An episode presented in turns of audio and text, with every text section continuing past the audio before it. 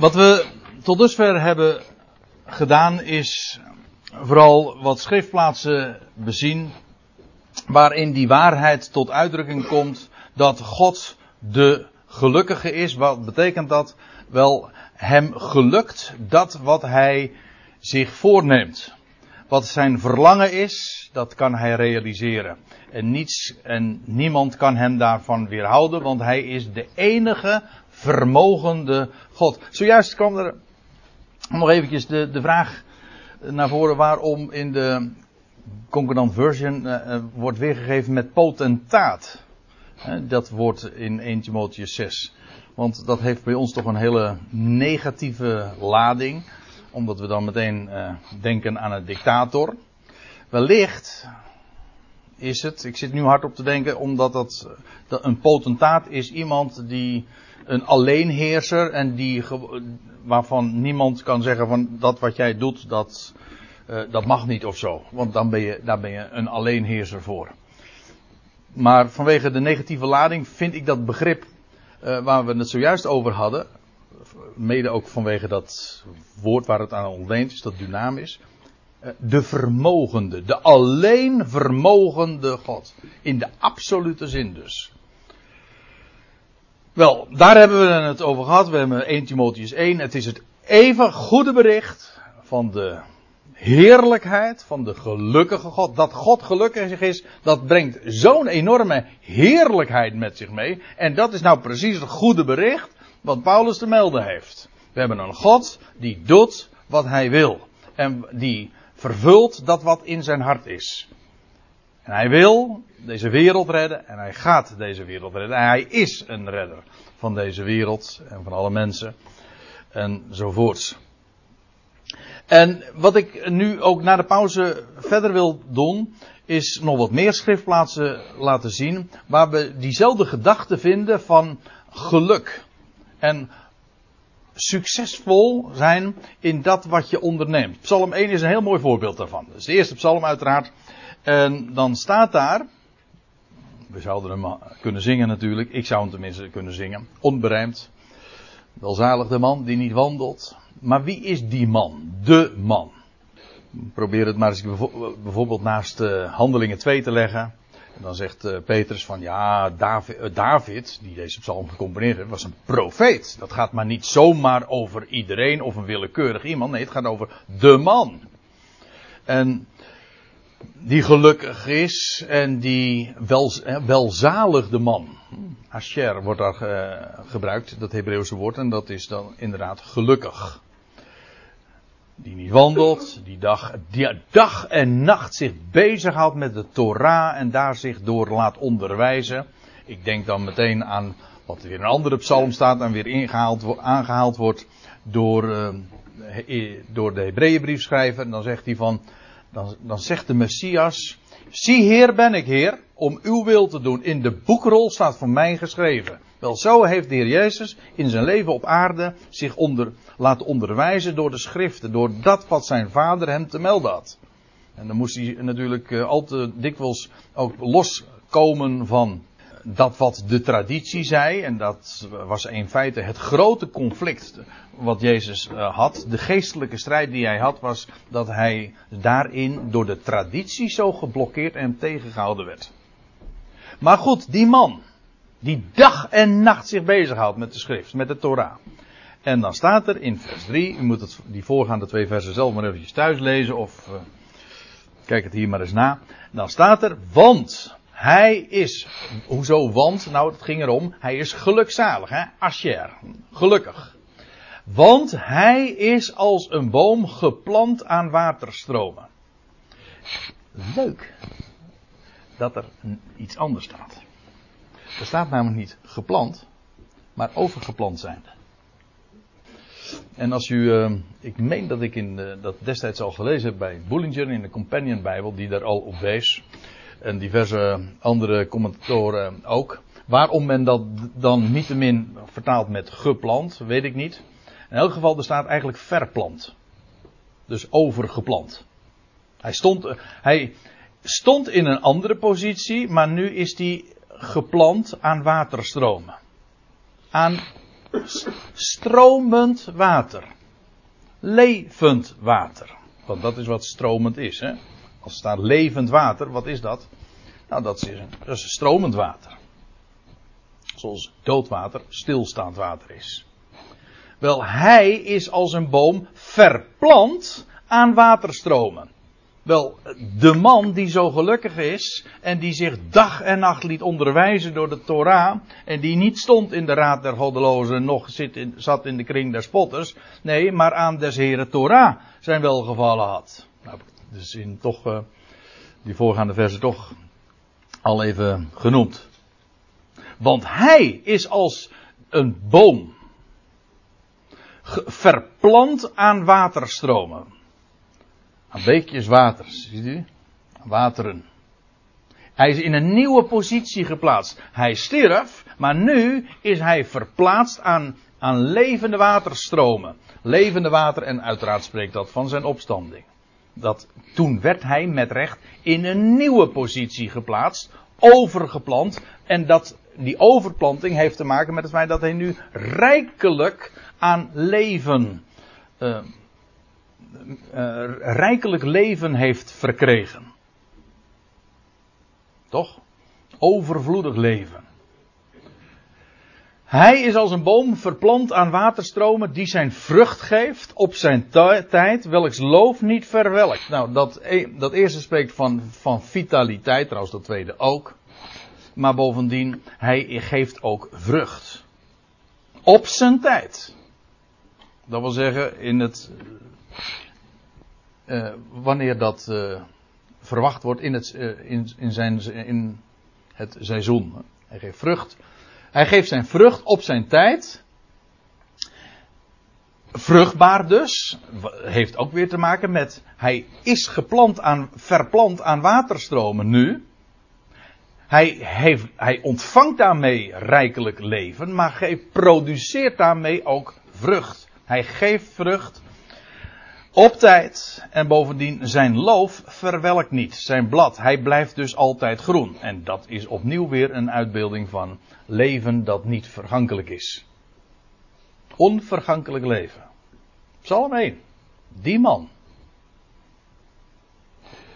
En waarom citeer ik nu dit psalm, deze psalm eh, in verband met dit onderwerp? Wel vanwege die laatste zinsnede. Daar staat er. En al wat hij onderneemt, gelukt. En alles wat hij doet, daarin is hij voorspoedig. Oftewel, het gelukt hem. Hij is dus. Hij, de psalm begint met gelukkig de man. En nu staat er alles gelukt hem. Hij is voorspoedig. In alles wat hij onderneemt. Als je weet wie de man is. In de hoogste zin des woords is niet zo moeilijk, want het gaat hier uiteraard over de Heer Jezus Christus. Waar Psalm 2 ook over gaat. En Psalm 3 ook. En zo kan ik nog wel even doorgaan. Die psalmen spreken over de Christus. En over de opgestane Christus. En wat wordt hier gezegd over die, die opgestane Christus? Wel, alles wat hij onderneemt, gelukt hem. Hij is succesvol. Wij geloven in een succesevangelie. Ik eh, benader het graag zo. Dat betekent niet uh, dat ons welvaart is beloofd of een gezonde body. Maar niettemin, wij geloven in een succesevangelie. Wij kennen namelijk Hem, die alles wat Hij onderneemt, dat gelukt Hem. Dat gaat over God, maar het gaat ook over degene door wie God dat gaat realiseren. Trouwens, dat zullen we in de nakomende schriftgedeelte ook nog even zien. Alles wat hij onderneemt, dat gelukt hem. Dat is toch schitterend? Succes verzekerd. En daarom is het ook werkelijk een evangelie. Een goed bericht. We kennen iemand die alles wat hij onderneemt, dat gelukt hem. Ja. En weet u wat ik nou zo mooi vind? Als je die gelukkige God kent, en de gelukkige God door wie, dat, door wie hij dat realiseert. Het, Gods icoon, daar hadden we het de vorige keer over. Als je hem kent. Als je dat goede bericht daarvan kent, van die glorie. Daar word je zelf ook zo gelukkig van. Ja, dat is echt geluk. Als je zo in het leven mag staan en weet van de, de, de goede afloop, dat dat geen twijfel uh, leidt, want Hij is God.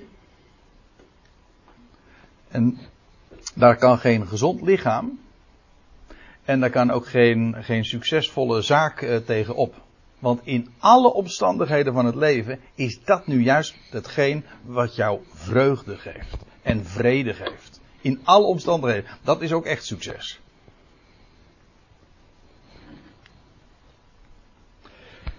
We gaan even door. Jezaja 53. Nou ja, ik had het over profetische passages. Dit is natuurlijk een zeer bekende. Een gedeelte wat vaak ook geciteerd wordt in het Nieuwe Testament. Jezaja 53. Over de knecht des Heren. De knecht van Yahweh, zijn dienaar. En dan staat er in vers 10. En ik ga aan al die versen die, uh, die daaraan vooraf gaan uh, nu voorbij. Over dat hij als een lam ter slachting werd geleid. Als een, lam, als een schaap dat stom is voor zijn scheerders. Nou, en al die andere passages, al die versen. Maar dan lees je in vers 10. Als, ik lees het trouwens nu voor uit de Statenvertaling. Dit tiende vers. Als zijn ziel zich tot een schuldoffer gesteld zal hebben. Het gaat hier dus over die knecht van Yahweh. En die zou zich stellen tot een schuldoffer. Zondoffer. Dat betekent trouwens inderdaad dat hij ter slachting werd geleid. Stierf. Hij is het zondoffer. Wel, als hij dat gedaan zal hebben, dan houdt het niet op. Nee, want hij is. Hij wordt verplant. Aan waterstromen. En hij gaat dan. En hij zal vrucht geven. Hij, nou, hier zal ik het zeggen met de woorden van Jezaja 53. Zo zal hij zaad zien. Dat wil zeggen, hij zal zichzelf gesteld hebben tot een schuldoffer. U weet toch wat er met een schuldoffer gebeurt, hè? Een schuldoffer per definitie, geldt ook voor een zondoffer, geldt niet van alle offers, maar van een schuldoffer, stierf.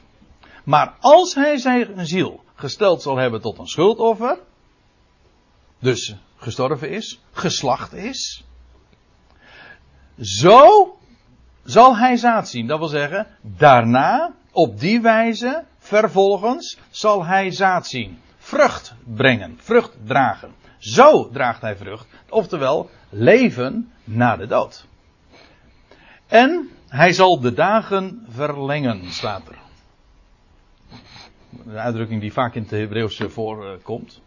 De dagen die verlengd worden. Nou, het langste leven dat ik ken, dat is een leven dat niet ophoudt. Dat is onvergankelijk leven. Zijn dagen worden met recht verlengd. Hij stierf, een schuldoffer. Vervolgens wordt hij, draagt hij vrucht en zijn dagen worden verlengd. Een lang zal die leven, zegt hij, in de gloria. ja, lang, en het langste leven dat er is, dat is het leven in heerlijkheid, in verheerlijking. En dat is opstandingsleven. Onvergankelijk leven. Zo zal, hij zal de dagen verlengen en het, nou, nou komt het. Dat vetgedrukte, daar ging het mee om. En het welbehagen des Heren, prik even door die oud-Nederlandse woordkeus heen. En het welbehagen des Heren, en, of zoals hier in de interlineair, en het verlangen van Yahweh, dat welbehagen is, het, is zijn verlangen, des Heren is Yahweh, de naam van God.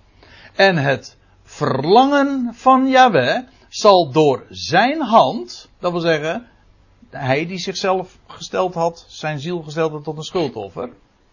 Maar die nu vervolgens zaad ziet en wiens dagen verlengd worden. Door zijn hand, zijn hand, dat is de knecht, de knecht van Yahweh.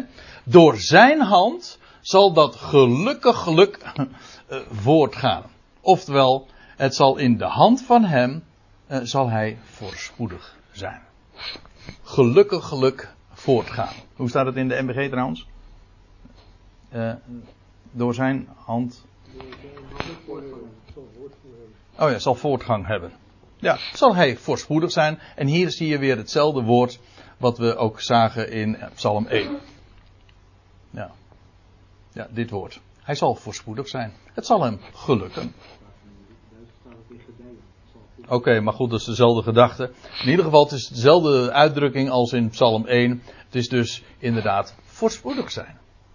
Dus hier zie je, dat is mooi. Over de heerlijkheid van Yahweh. De heerlijkheid van God. En, nou even in combinatie met waar we het de vorige keer over hadden. Het goede bericht van de heerlijkheid van Christus. Wel, dat, dat is niet twee, dat is één. Want het welbehagen des Heren het verlangen van God zal door zijn hand, namelijk door dat van de, de knecht van Yahweh, gelukkiglijk voortgang hebben. Oftewel eh, voortgaan, oftewel gelukkig zijn. Succes hebben.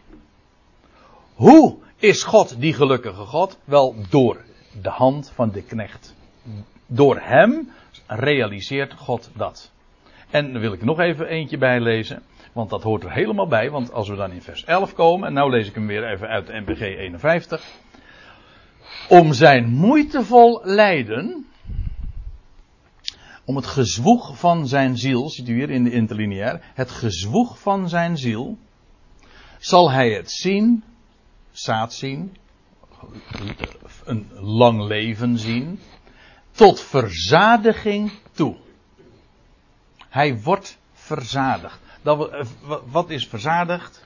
Dat wil zeggen, dat is volle tevredenheid. Tot volle, dat waar hij het voor deed, dat wordt gerealiseerd. Hij wordt daarin verzadigd. hij, verzadiging wil zeggen, het is genoeg. En aangezien hij het al op het oog heeft, hij vindt verzadiging. Dus dat moeitevol lijden, dat gezwoeg van zijn ziel, dat schuldoffer, de slachting, waar het in Jezaja 53 over ging, is niet voor niks. Integendeel, hij vindt volle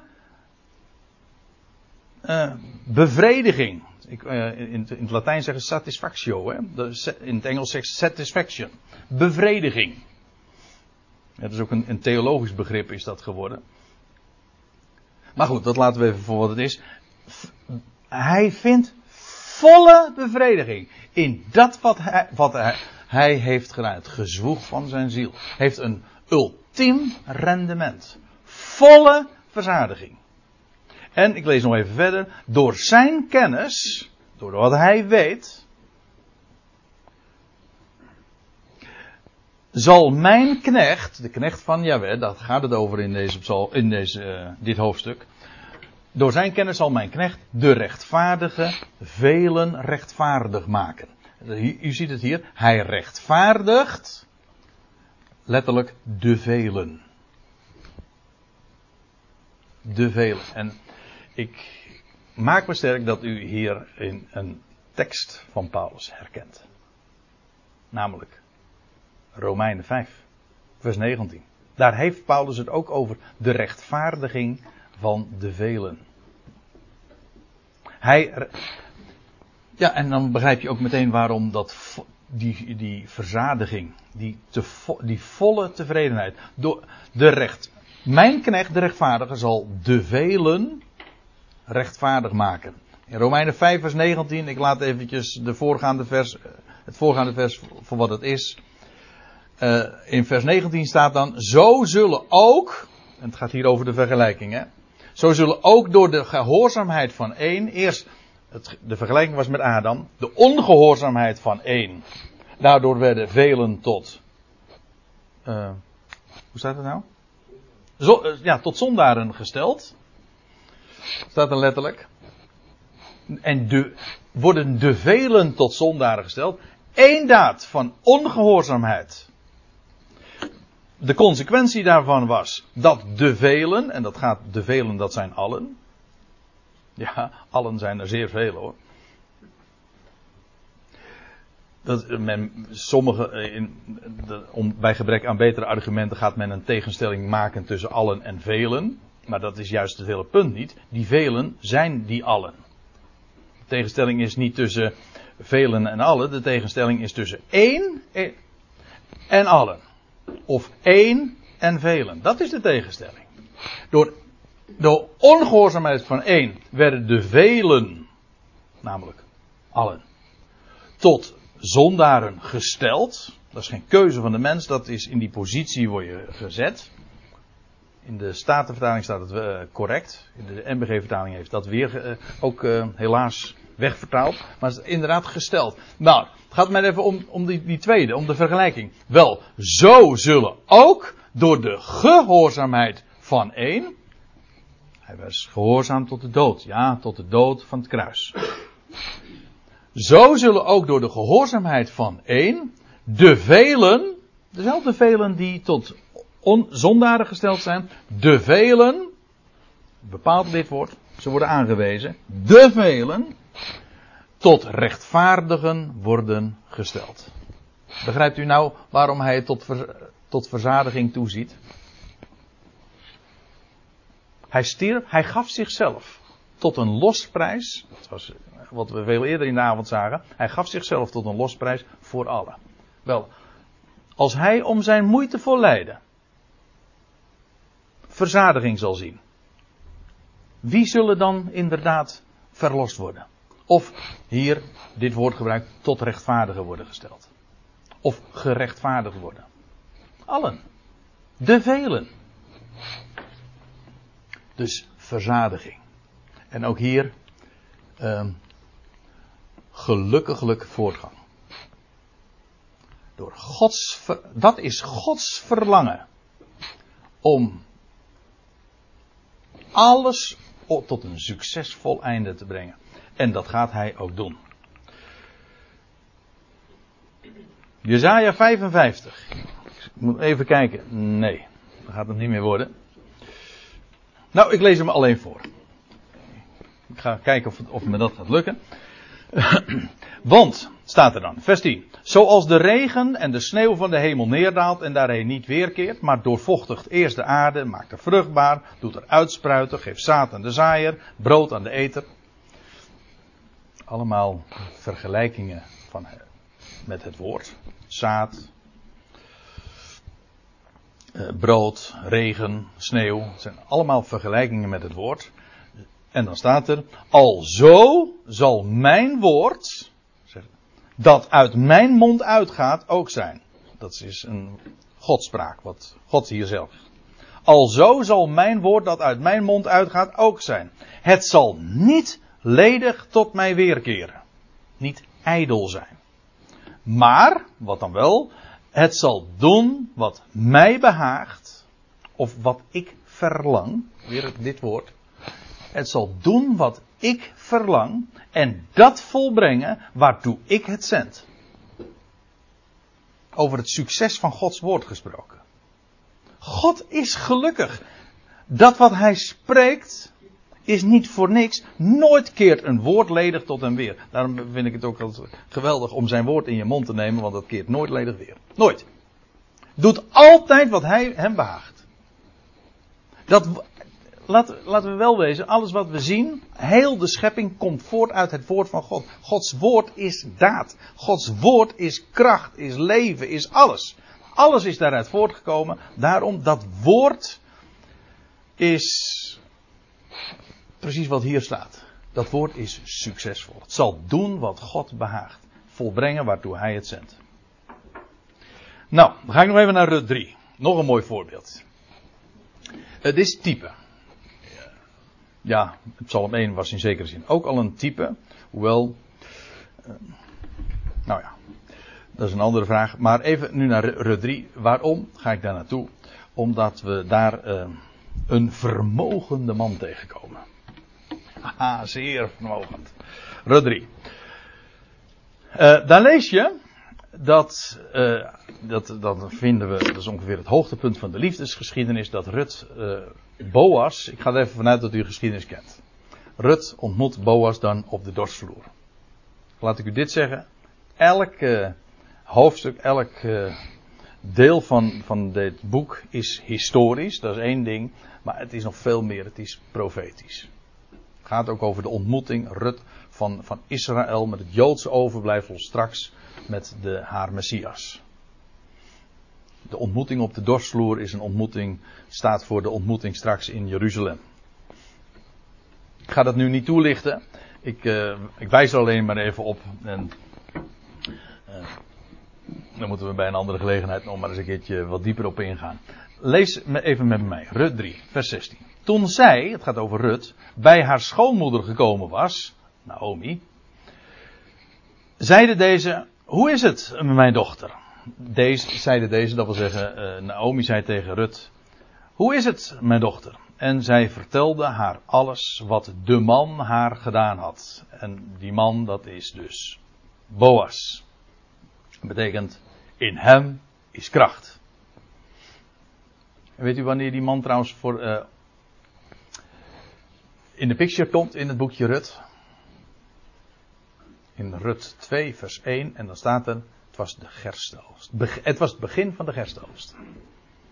En dan vertel ik, vraag ik nog iets. Wat, wat gebeurt er bij het begin van de gerstenoogst? Er is een speciale dag voor. Namelijk de dag van de eerstelingsscharven. De eerstelingsschoof. Dat, is het begin, dat markeert het begin van de gerstenoogst. Oftewel, het is de dag dat de Heer, de man van Bethlehem, opstond uit de doden als de eersteling. Dan komt Boas in de picture bij het begin van de gerstoogst. Trouwens, dit hele boekje gaat vooral over gerst. Dat zullen we nog zien. Maar let even op. De man hier. Dat is die gelukkige man. Uh, in hem is kracht. En je leest dan inderdaad van hem in Rut 2 vers 1. Zeg ik het goed? Ja, Rut 2 vers 1. Hij, een zeer vermogend man. Nou, hij kwam uit Bethlehem. Dan weet je ook meteen uh, aan wie we moeten denken. Uh, en zij vertelde haar alles wat de man haar gedaan had. En ze zeiden: Deze, uh, deze zes maten gerst heeft hij mij gegeven. Nou, gerst. Heeft ook weer alles met macht te maken, met vorst, met Sarah. Het Hebreeuwse woord Sora. Dat is Sarah, de vorstin.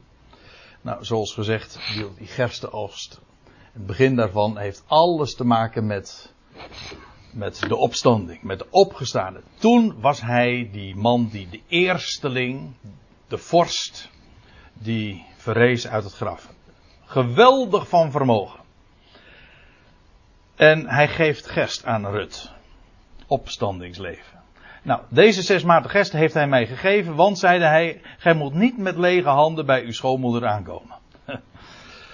ja, hij stuurde niet met lege handen. Ze had lege handen, maar die worden rijkelijk gevuld.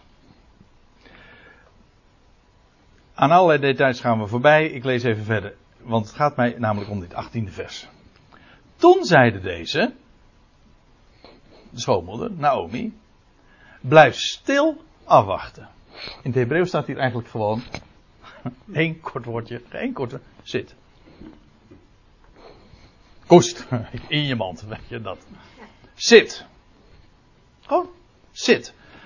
Mijn dochter, zit is een positie van rust. Waarom? Waarom zit? Zit, mijn dochter, totdat je verneemt hoe de zaak uitvalt, want die man zal niet rusten voordat hij vandaag deze zaak tot een einde heeft gebracht. Deze Boas, zeer vermogend, de man uit Bethlehem. In hem is kracht. Opstandingskracht. Ja. En hij zal niet rusten voordat hij de zaak tot een einde heeft gebracht. Een schitterend beeld van succes. Naomi wist, dit gaat hem lukken. Hij gaat de zaak tot een einde brengen. Hij begint, maar hij voltooit het ook. Dat is een prachtig beeld natuurlijk. Wat wij hebben van onze verlosser. Boas is de losser. Hè? En hij gaat het ook daadwerkelijk doen, want daar gaat Rut 4 dan vervolgens over. Hij gaat het inderdaad die dag nog tot een einde brengen. Gaat dan in de poort zitten. Beeld van macht.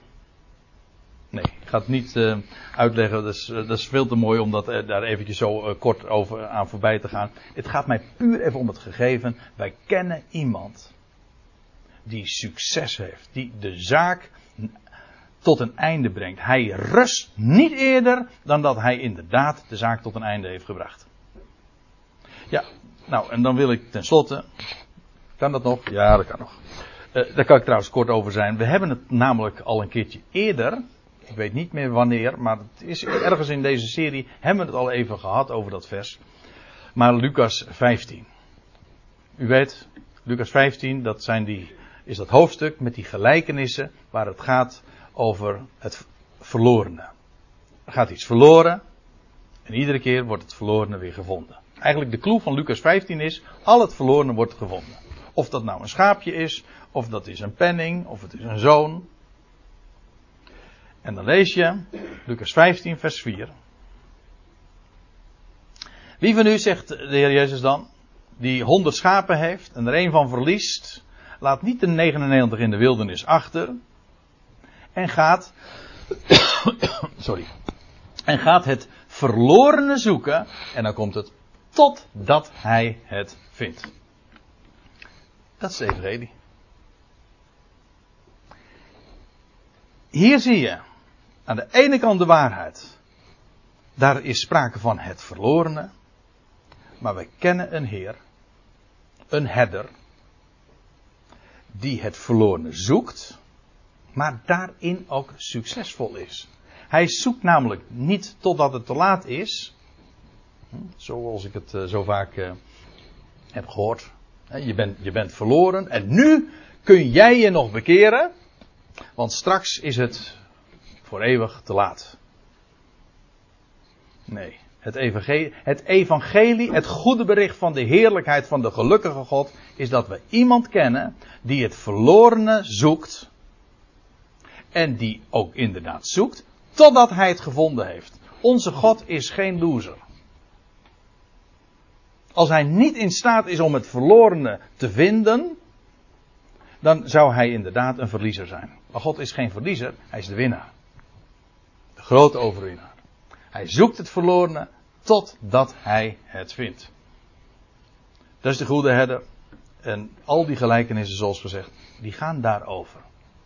En ja, nou, daarmee hebben we toch in ieder geval, hoop ik, wel uh, één ding duidelijk uh, vastgesteld, zo een avond als deze.